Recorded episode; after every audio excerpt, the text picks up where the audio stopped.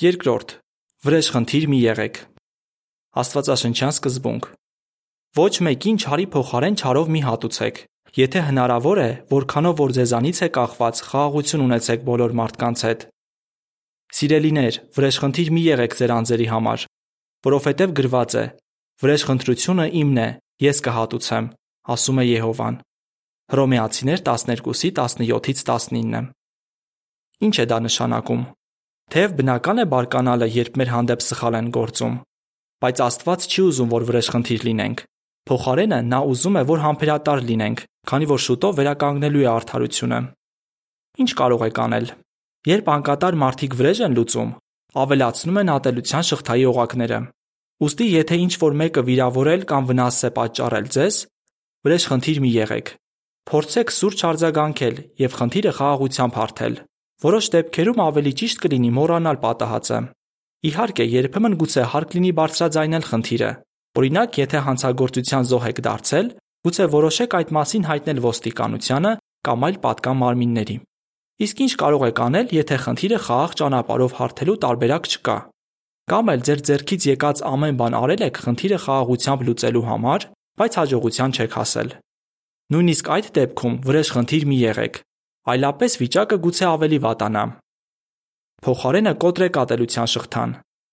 Դուք կարող եք խնդիրը Աստծո ձեռքը հանձնել, վստահ լինելով, որ նա լավագույն կերպով կլուծի այն։ Ինչպես որ Աստվածաշնչում է ասվում, վստահիր նրան եւ նա կկատարի։ Սաղմոս 37-ի 3-ից 5։ Իրական դեպք։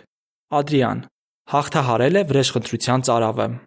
Պատանեկան տարիքում Ադրիանը ատելությամբ էր լցված մարդկանց հանդեպ եւ բռնասեր ազնվորություն էր։ Նա ասում է. Հաճախ էի ներքաշվում փողոցային կռիվների մեջ, որոնց ժամանակ նույնիսկ հրազեն էինք օգտագործում։ Շատ անգամ ինձ արյունլվա թողնում էին փողոցում ընկած, որ մահանամ։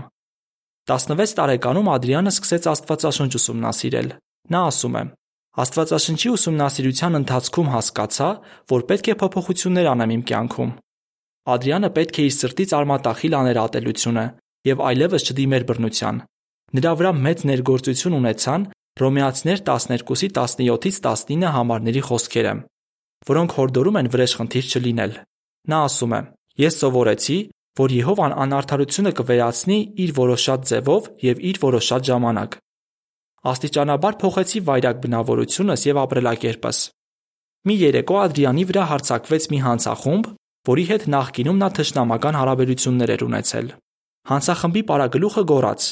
«Դե, պաշտպանվիր, եթե կարող ես»։ Ադրիանը պատմում է. Պատասխան հարված հասցնելու ուժգին ցանկություն ունեի, բայց վրեժխնդիր լինելու փոխարեն նա անմիջապես աղոթեց Եհովային ու հեռացավ։ Ադրիանը շարունակում է.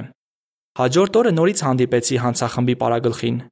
Այս անգամ նա մենակ էր։ Նրան տեսնելուն պես զայրույթն ու վրեժխնդիր լինելու ցանկությունը կրկին համակեցին ինձ, բայց նորից խնդրեցի Եհովային, որ օգնի ինքնատիրապետում դրսևորեմ։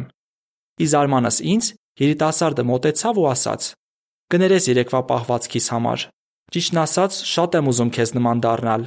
Ես էլ եմ ուզում ուսումնասիրել Աստվածաշունչը։ Այնքան ուրախ էի, որ կարողացել էի զսպել բարկությունս։ Արդյունքում նա էլ սկսեց ուսումնասիրել Աստվածաշունչը։ Ադրիանի պատմության մասին ավելին կարող եք կարդալ jw.org կայքում դիտարանի 2016 թվականի համար 5 թողարկման մեջ։ H14-ից 15 հոդվացի ավարտ